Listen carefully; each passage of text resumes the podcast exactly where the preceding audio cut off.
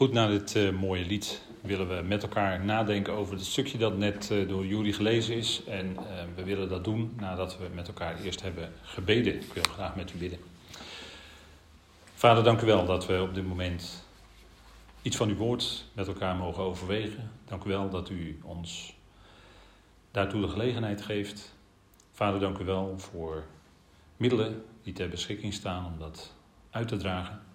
Dank u wel voor dat woord van u. Geeft u daarin wijsheid en inzicht.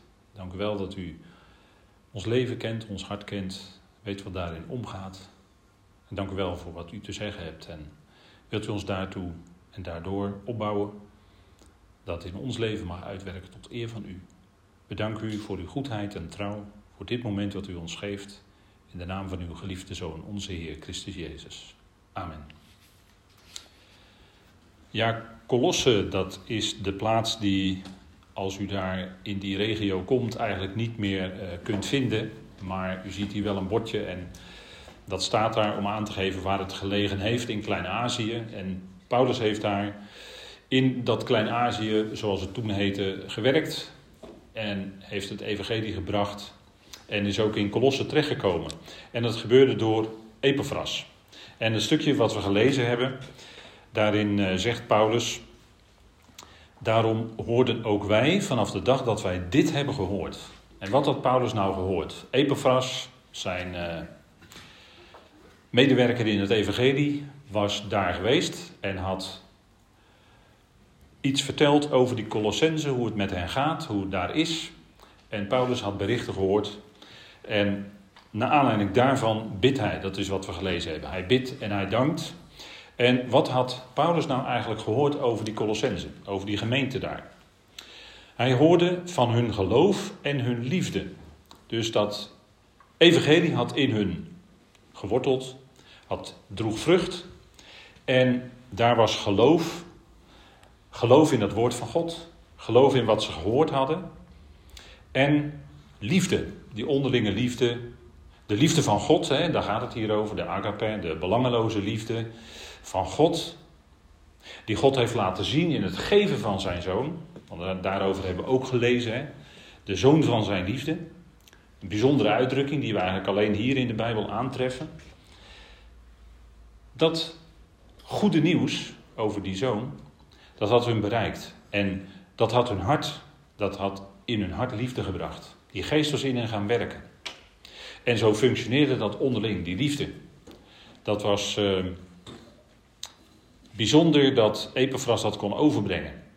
Dat het evangelie op die manier zo vrucht droeg bij de Colossense.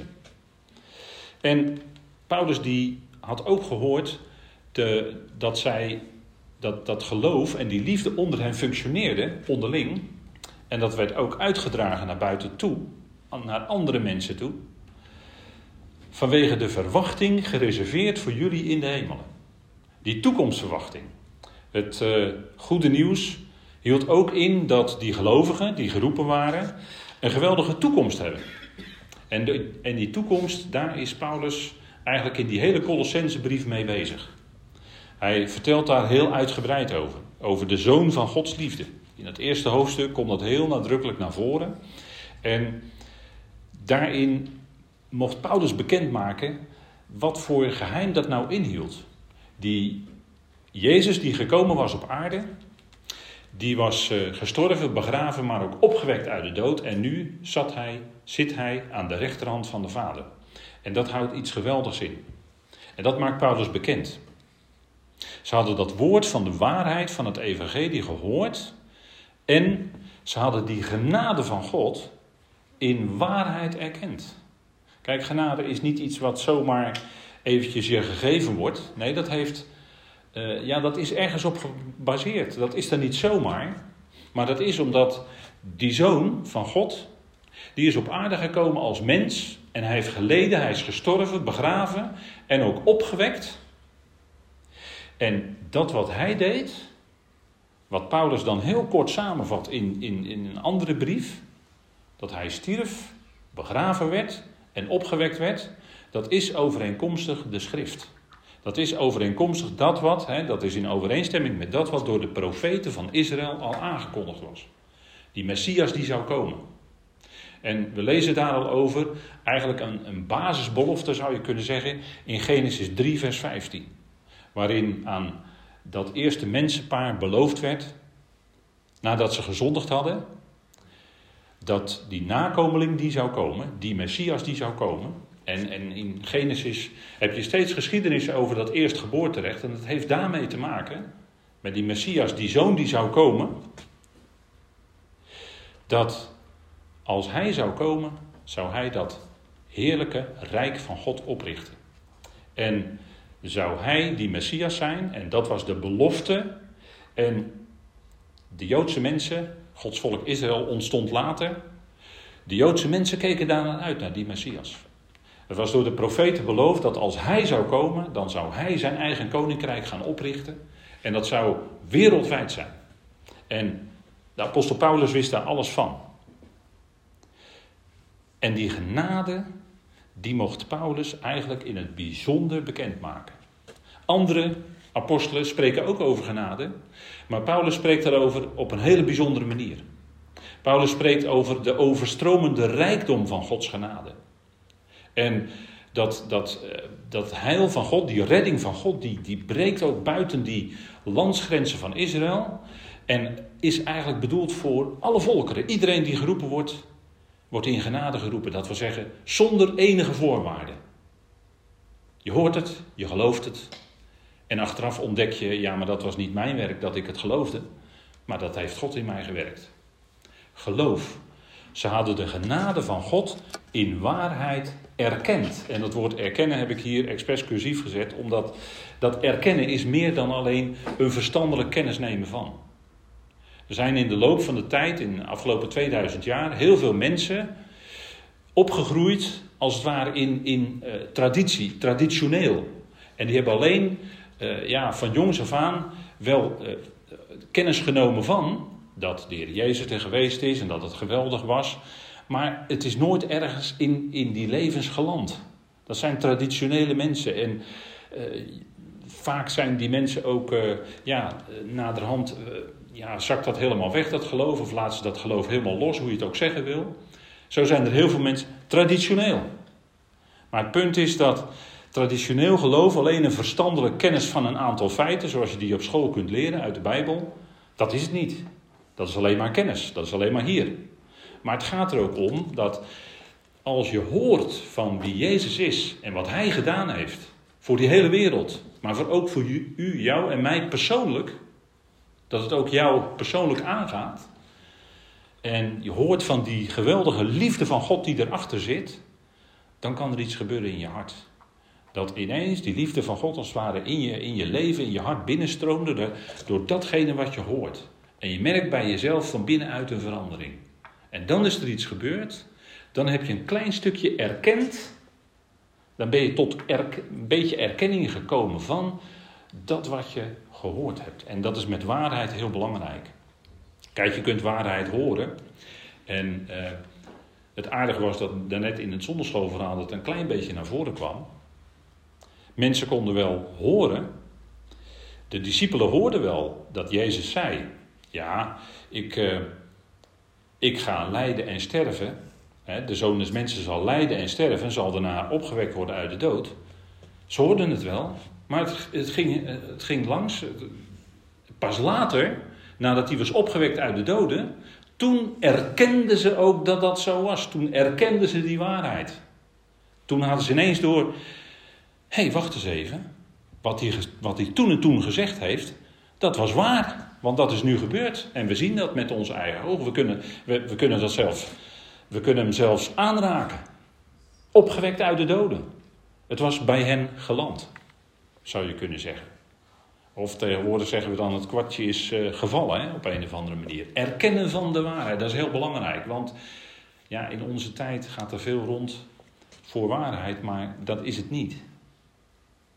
En het punt is dat de waarheid heeft de eigenschap om uh, nee, wat, wat mensen met de waarheid geneigd zijn om te doen, is die neerdrukken. Alsof je, ik, ik gebruik al vaker dat voorbeeld van een bal, die, die hou je onder in het zwembad. Maar dan moet je druk op uitoefenen om die bal onder water te houden. Dat, dat willen mensen ook met die waarheid. Maar op een gegeven moment komt er toch een moment dat ze even loslaten en dan komt die waarheid naar boven. Dan is die bal ineens boven het water. Dat is wat de waarheid ook doet. Hè. Die komt altijd, vroeg of laat, komt die waarheid aan het licht. En Paulus zegt in dit stukje dat hij heeft ons uit het volmachtsgebied van de duisternis geborgen. Dat is iets wat je niet kunt waarnemen. Die bal waar ik net over had, kun je pakken. Maar die waarheid van God, die kun je niet pakken met je handen. Dat hoor je. En dat kun je erkennen of niet. Je kunt zeggen, nou, boeit mij niet, ik ga verder met mijn leven. Die uh, God, die, die zal me wat. Kan, kan gebeuren. Maar het kan ook zijn dat die waarheid ineens jou pakt. En ineens bij je land en tot je doordringt. En dan ga je het ook erkennen. Maar zolang je nog in duisternis bent, duisternis heeft te maken met leugen. Duisternis heeft te maken met datgene wat niet waar is. En daar leven mensen in. En als het licht van God met zijn woord gaat doordringen, als dat evangelie gehoord wordt, dan komt dat licht van het evangelie in een mensenleven, in een hart. En dat verdrijft dan die duisternis. En je gaat zien hoe het zit. Voorheen dacht je licht te hebben, maar je was in duisternis. Dat is vandaag de dag met heel veel mensen zo. Ze menen licht te hebben, ze menen de waarheid te hebben, maar ze leven in feite in de leugen. En het geweldige is, wat Paulus hier al biddend en dankend vaststelt, is dat die Colossense, en ook Paulus had het natuurlijk zelf als geen ander ervaren, dat God, die grote God, die schepper van hemel en aarde, de mens had getrokken, Paulus had getrokken uit de duisternis en gezet dat in zijn licht. Bij Paulus was het ook heel letterlijk op weg naar Damascus zo. Licht. En in geestelijk opzicht is het zo dat God u, jou en mij, alle gelovigen, heeft getrokken uit dat volmachtsgebied.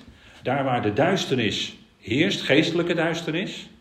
Daar heeft hij ons uitgetrokken en hij heeft ons gezet in het koninkrijk van de zoon zijner liefde. Hij heeft ons geborgen, staat hier. Hè? Hij heeft ons uit de volmachtsgebied van de duisternis geborgen. En wat is borgen?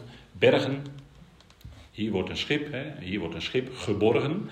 Die wordt hier uit het water getrokken. En dat is ook wat het woord letterlijk zegt: wegtrekken.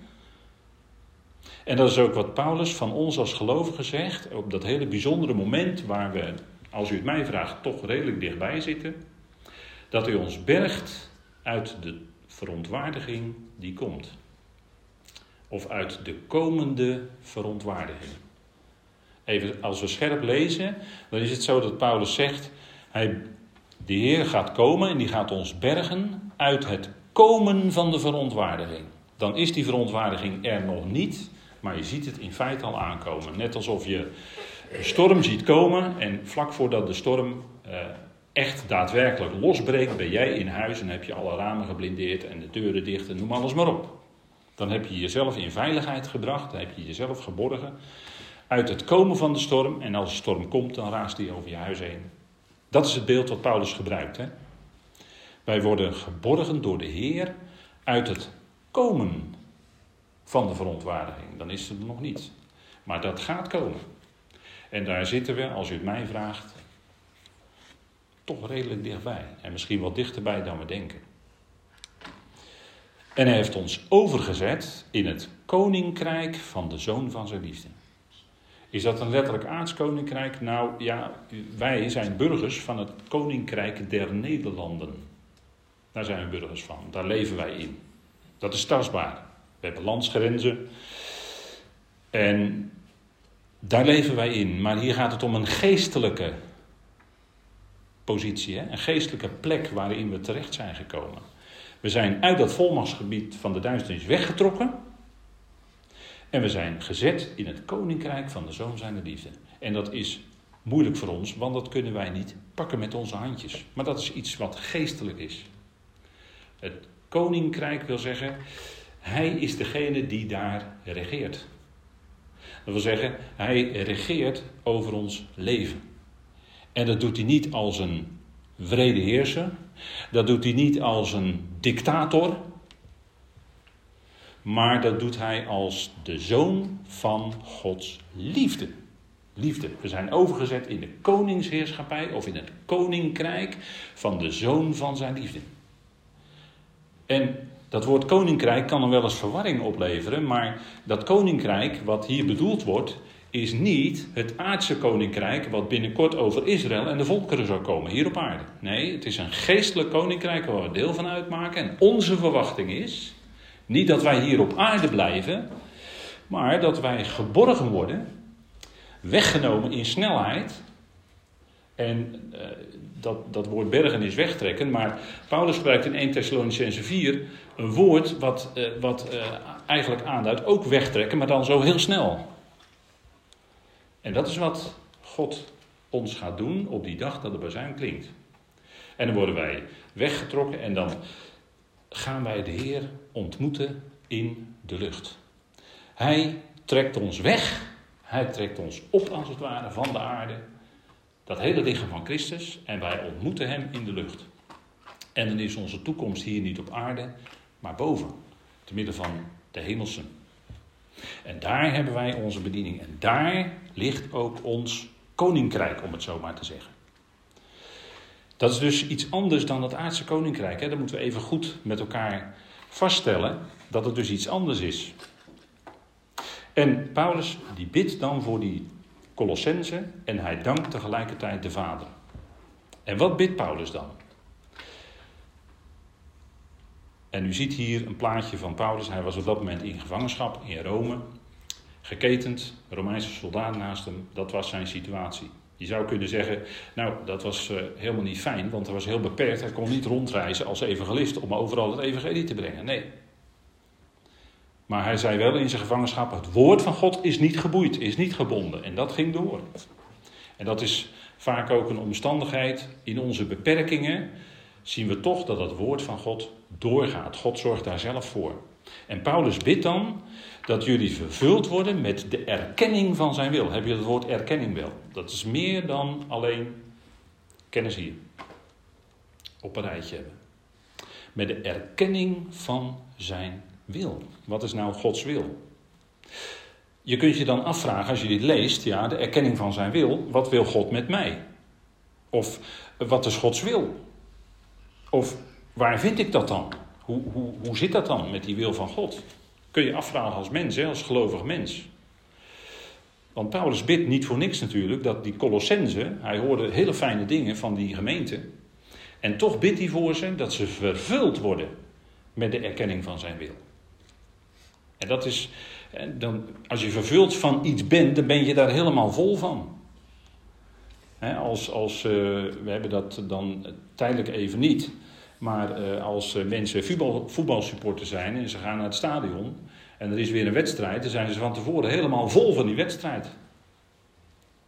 En dan willen ze graag hun eigen club aanmoedigen, graag dat die club wint en ze weten precies de positie op de ranglijst, tegen wie ze spelen, de opstelling enzovoort. Dan ben je er helemaal vol van. Nou, maar een simpel voorbeeldje. Hè?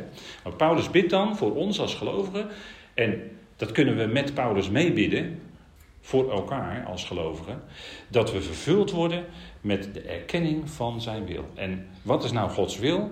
Waar vind ik dat dan? In de schrift. Dat is wat uh, God is de bron van liefde, waarheid, wijsheid, inzicht, licht en hij geeft ons de schrift. Al wat we nodig hebben is die schrift. Want daarin lezen wij en ontdekken wij wie God is. En laat hij zien wie hij is. En laat, laat hij zijn liefde en zijn genade zien. En door die schrift, Paulus wijst Timotheus in zijn laatste brief heel nadrukkelijk nog eens op die schrift. Hè? Verkondig dat woord, verkondig die schrift, want dat is datgene wat we nodig hebben. En in onze tijd, het belangrijkste wat we nodig hebben als gelovigen, is die schrift. Om dat te weten wat God wil opdat de mens van God aangepast wordt tot alle goed werk. En we hebben elke dag heel veel werk te doen. Elke week. En soms zie je daar misschien als een berg tegenop dat er allemaal weer wacht die week. Alle goed werk. En punt is, als gelovige ga je door allerlei omstandigheden heen. Raak je betrokken bij allerlei werk, je dagelijks werk, voor, om, je, om, je, om je kosten te verdienen, werk, uh, werk in de gemeente onder gelovigen. Er zijn allerlei vormen van werk wat God op onze weg brengt. En nou is die schrift fantastisch om ons aan te passen dat wij geschikt zijn voor alle goed werk. En kijk, die schrift die maakt ons bekend wat God wil. Als we nou nadenken over die wil van God, wat wil God nou? Hij wil dat alle mensen gered worden en tot erkenning van de waarheid komen. Dat schrijft hij aan Timotheus, hè, Paulus. Dat is de wil van God. En daar wordt natuurlijk heel veel over gediscussieerd van ja, gaat, gaat, hè, want God wil en daar gaan mensen dan van maken dat hij dat wenst. Ja, God wenst wel dat alle mensen gered worden, maar die mens wil niet. Want dat zei de Heer Jezus toch ook tegen zijn eigen volk toen hij boven op de Olijfberg eh, naar Jeruzalem trok. Ik heb jullie vaak als een, als, een, eh, als een moeder onder mijn vleugels willen verzamelen, maar jullie, volk Israël, hebben niet gewild. Nou, kun je zeggen met een Bijbeltekst in de hand: kijk, dat volk Israël wilde niet, dus die komen er niet. Maar als we even teruggaan in de geschiedenis, had ook alles te maken met Israël. God zei tegen Farao: Laat mijn volk gaan. Dat was de wil van God. Farao zei: Nee, er komt niks van in. De rest is geschiedenis, toch? Weet u toch wat er gebeurd is? Er worden nog steeds films van gemaakt. Nee, als God het wil, ja, wacht even, maar dan gaat het gebeuren. Vroeg of laat, maar het gaat gebeuren. Want het is niet een menselijke wens die hier staat, maar het staat hier dat God wil dat alle mensen gered worden en tot erkenning van de waarheid komen. En dat gaat gebeuren ook. Dat is uh, een, een uiting van overwinning in feite. Wat nodig was, is al gebeurd. 2000 jaar geleden. De Heer Jezus Christus stierf voor de zonde van de hele wereld. De hele wereld, alle mensen. Paulus gaat dat heel precies invullen. Alle mensen. Alle mensen worden gered en komen tot erkenning van de waarheid. Paulus zegt niet alle mensen die geloven. Hij zegt niet alle mensen die willen. Hij zegt niet alle mensen die een keuze voor Jezus maken, hoe geweldig dat ook is. Nee, hij zegt alle mensen. Dat is Gods wil. En dat gaat gebeuren ook. Vanuit die overwinning kun je leven. Kijk, en nu komen we dichter bij ons leven. Paulus spreekt ook over het geheimenis van zijn wil. Dat is alles wordt onder de Christus gebracht, zegt hij in de Efezebrief. En daar is hij in de Colossense heel erg mee bezig. Het geheimenis van Christus is voor veel mensen nog een geheim. Maar alles in de hemel en op de aarde zal onder dat ene hoofd gebracht worden. Christus, die ons zo lief heeft. En die alles voor u, jou en mij heeft overgehad. Diep lijden heeft het gekost. Het is niet zomaar even makkelijk gegaan. Nee, lijden, verdrukking, moeite, zelfs de dood in zijn geval. Daar is hij doorheen gegaan. En dat is zo bijzonder dat hij straks aan het hoofd zal staan. Ik, ik zie dan altijd, uh, ja, wat je, er zijn allerlei gedachten over, maar ik zie dan altijd de piramide voor me. En dan staat hij aan de top van die piramide. En dat is een heel mooi beeld, want alles valt dan in feite onder die top. En hij zal straks staan aan de top van alles. En daar is hij door God al gezet. Alleen het is een kwestie van tijd dat de schepselen dat ook gaan erkennen. Maar die erkenning gaat wel komen. Dat is Gods wil. Hè?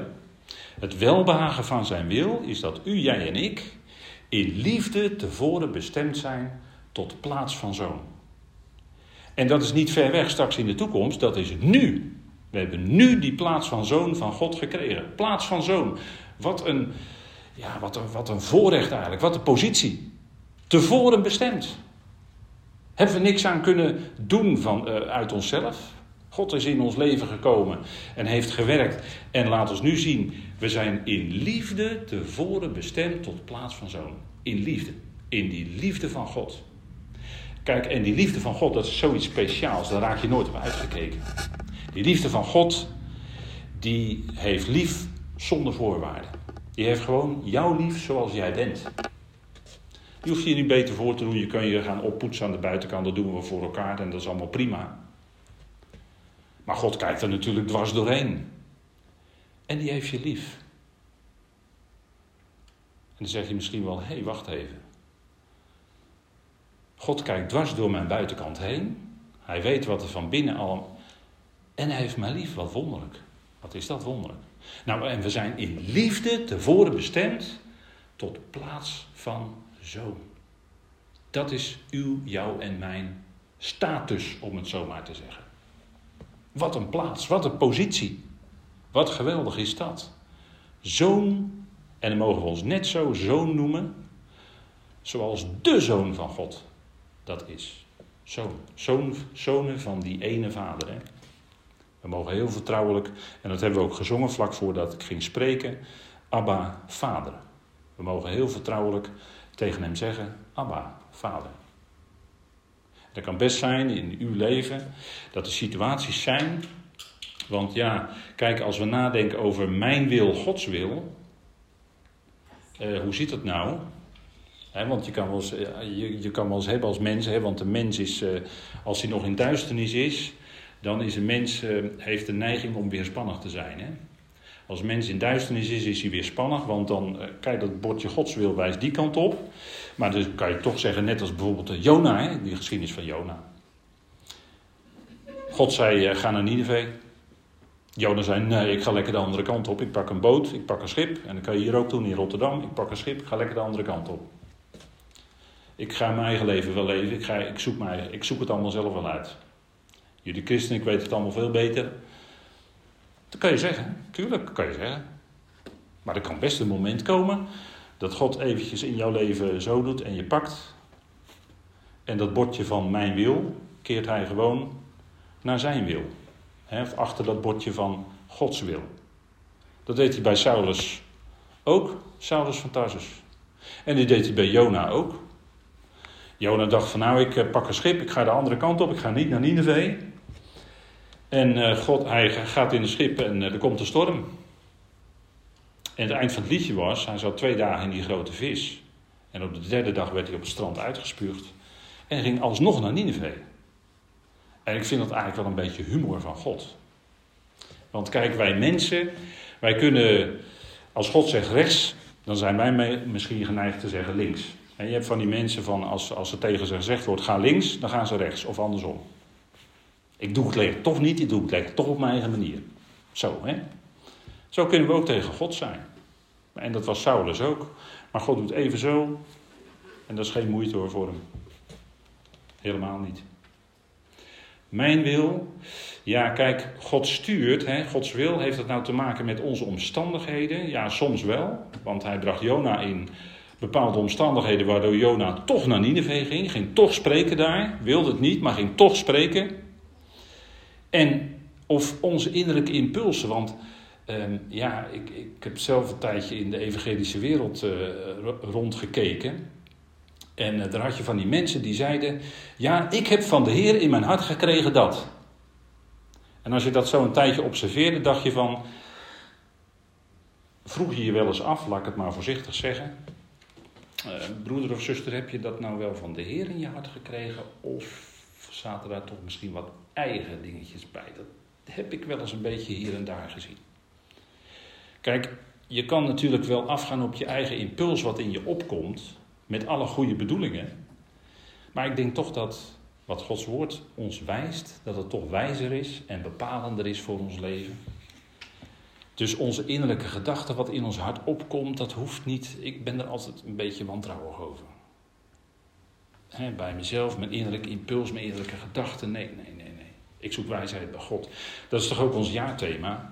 Vertrouw op de Heer met heel je hart. En steun op je eigen inzicht niet. Je eigen inzicht. Zou er niet op steunen. En uh, toen ik de eerste dienst sprak van dit jaar, over dit jaarthema, toen heb ik iets gezegd over, uh, de schrift zegt iets over eigenwijsheid. En wij als mensen zijn soms ontiegelijk eigenwijs. En dan uh, sluit ik mezelf daar gelijk bij in hoor, bij die uitspraak. Maar wil je echt wijsheid hebben van God, wijsheid, dan zou je bij de schrift te raden gaan. En dan kun je je eigen inzicht inleveren. En dan komt daar Gods wijsheid en inzicht voor in de plaats. En ik denk dat dat iets is wat God dan wel bedoelt, kennelijk, want het is het jaarthema voor de tweede keer. Hè? 1998 was het ook het jaarthema. Tweede keer. Vertrouw op de Heer met heel je hart. En steun op je eigen inzicht niet. dat is dan de subregel eronder. Maar die staat er wel nadrukkelijk. Spreuken is ook een boek van de wijsheid. Salomo. Wijsheid, hè? Niet op je eigen inzicht steunen. En dan gaat dat mijn willetje gaat wel een beetje draaien. Dat bordje draait wel een beetje weg dan hè, in je leven. Kijk, we hebben in de schrift, in het evangelie, hebben we zoveel licht gekregen. Ik heb maar een paar highlights genoemd. Maar we hebben zoveel licht gekregen in ons leven. Dat, is, dat is een hele grote lichtbundel. En die geeft ruim voldoende licht op onze levensweg. Als je het evangelie kent, dat God er is de redder van alle mensen. En hoe goed bedoeld ook, hoe goed bedoeld ook, ik heb het zelf ook gedaan. Maar is het dan zo, als je weet dat God de redder is van alle mensen, dat je dan langs de deuren gaat colporteren en dan met mensen in gesprek probeert te gaan om ze te bewegen dat ze kiezen voor Jezus? Ik weet waar ik over praat, ik heb het ook gedaan. Maar als je God leert kennen, dat Hij de redder is van alle mensen, dan ga je ook daarin anders kijken. En dan weet je dat God met ieder zijn weg gaat en degene die op jou weg komen, ja natuurlijk. Degene die op je weg komen, ja. Daar kun je eh, laten zien. Laten zien, vaak is het laten zien met je gedrag. En dat mensen dan toch opmerken, hé, hey, wacht eens even. Volgens mij ben jij een gelovige, want jij bent anders dan die anderen. Jij reageert anders dan die anderen. En heb je nog, misschien nog niks gezegd. En mensen merken dat toch op. Dat is toch wel heel wonderlijk, hè? Hoe dat dan uitwerkt. En ja, het is uh, goed om dan dat door te geven. Kijk, wijsheid en inzicht. Paulus die heeft er dan over wijsheid en geestelijk inzicht. En dat is best moeilijk. Hè? De erkenning van zijn wil in alle wijsheid en geestelijk inzicht. Kijk, als je iets weet van die genade van God. En waar dat op gebaseerd is. Hè?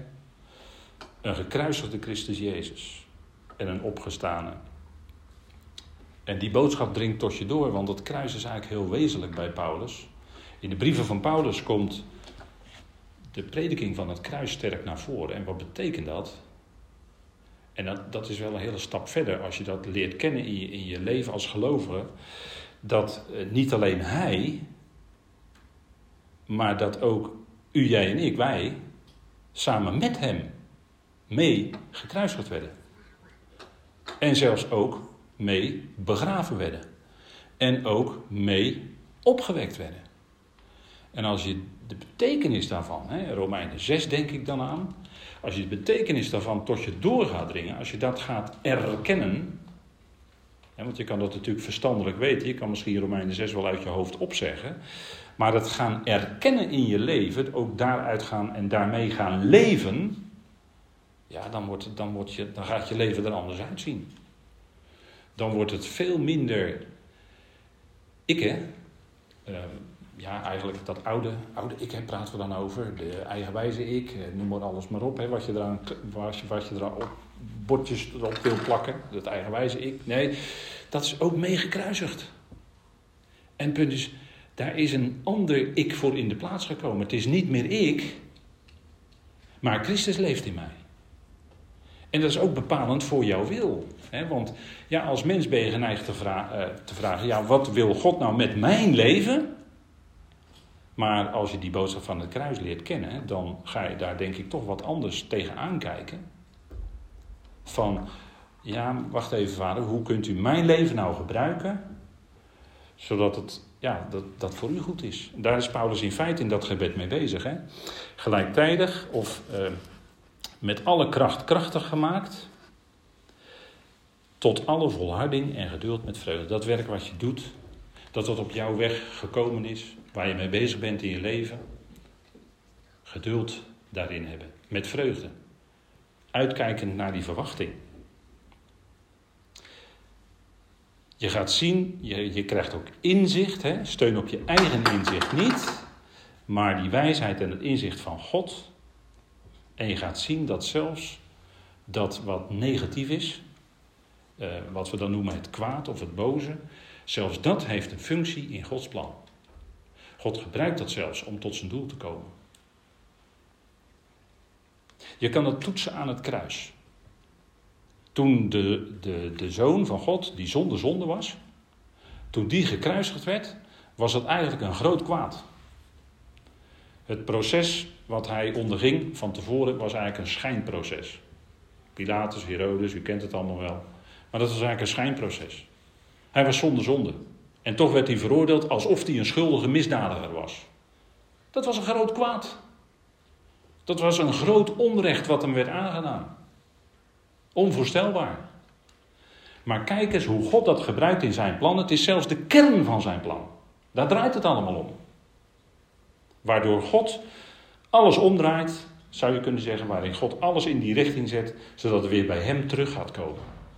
Kijk, dat is Gods wil. Zo doet God dat. En als je dat leert kennen, dan, dan ga je ook iets, denk ik, voor je eigen leven. Ja, wacht even. Uh, mijn leven, ja, ik ben dankbaar voor het leven wat ik van God gekregen heb. Maar ik zie nu wat Gods plan is en waar God naartoe werkt. En wat de consequentie is, wat het gevolg is in mijn persoonlijk leven van het evangelie. Ja, dan ziet alles er anders uit. En dan ga je ook, denk ik, anders willen dan wat je voorheen wilde. En natuurlijk is het prachtig om naar een voetbalwedstrijd te gaan. Ik heb dat ook wel gedaan. Een voetbalwedstrijd, je club aanmoedigen, fantastisch. Heel vol stadion, meejuichen met doelpunten. Geweldig. Maar het kan ook wel eens zijn dat dat verandert. Ik uh, kwam een berichtje tegen van de week. Dat uh, iemand die was uh, eh, 22 jaar lang heel trouw, heel fanatiek voetbalsupporter geweest. Maar er was toch een verandering in dat leven gekomen. En toen kwam dat supporteren en dat, dat heel fanatiek steeds maar de hele week met die club bezig zijn. Er kwam toch wat meer op de achtergrond en langzamerhand werden andere dingen toch veel belangrijker. Die was door God gegrepen. Zo kan het uitwerken in, in een leven. Gevolg, mijn leven is in feite, hè, mijn leven kun je afvragen. Ja, nee, het is in feite zijn leven. Hij werkt zijn leven in ons uit. Waardig wandelen. En, en als je dat hoort van God, dat hij je zo lief heeft, dan, dan gaat er iets in je staan. Ja, Heer, nou wil ik voor u waardig wandelen. Ik wil leven dat het is tot eer van u. En dat, ja, dat vrucht dragen, dat kun je niet eh, met heel hard werken. Met heel hard werken kun je niet die vrucht dragen die, waar Paulus het hier over heeft. Het kan wel een onderdeel zijn van wat God in je leven werkt. Maar dat vrucht dragen is toch allereerst die vrucht van de geest. En u hoort het al zeggen, hè? vrucht van de geest. Van de geest van God. Dus niet iets wat jij bij jezelf kan bewerken, maar door al je ingespannen bezig zijn en je wil tot eer van God zijn, je wil leven in, vanuit die erkenning van God en, en noem alles maar op, wordt iets van die vrucht van die geest in jou zichtbaar. En dan zeg je heel wonderlijk, hé hey, wacht even, twintig jaar geleden reageerde ik toch anders dan dat ik nu reageer. En soms ja, val je nog wel eens even terug in dat je toch weer, ja. Maar groei. En daar bidt Paulus voor. En laten we dat ook voor elkaar bidden in dat geweldige besef zoon te zijn, met zo'n toekomst. En die toekomst, daar zijn we niet ver meer van weg, denk ik. dat is uh, heel fijn. Die jullie bekwaam maakt voor het lotdeel van de heiligen in het licht. Nou, Israël zal straks een eigen gebied op aarde hebben. Alle families en alle mensen zullen daar zo hun eigen stukje grond hebben. En het aardige is dat Paulus dat eigenlijk gebruikt om aan ons duidelijk te maken: wij hebben dat stukje grond niet hier op aarde, maar straks boven. En daar gaan we naartoe, dat is licht. Wat is fantastisch dat we geroepen zijn uit die duisternis en gekomen zijn in zijn licht. Zodat het licht ook doorschijnt door ons leven heen naar die ander toe. Amen. Ik stel voor dat we de Heer daarvoor danken. Zullen we dat doen?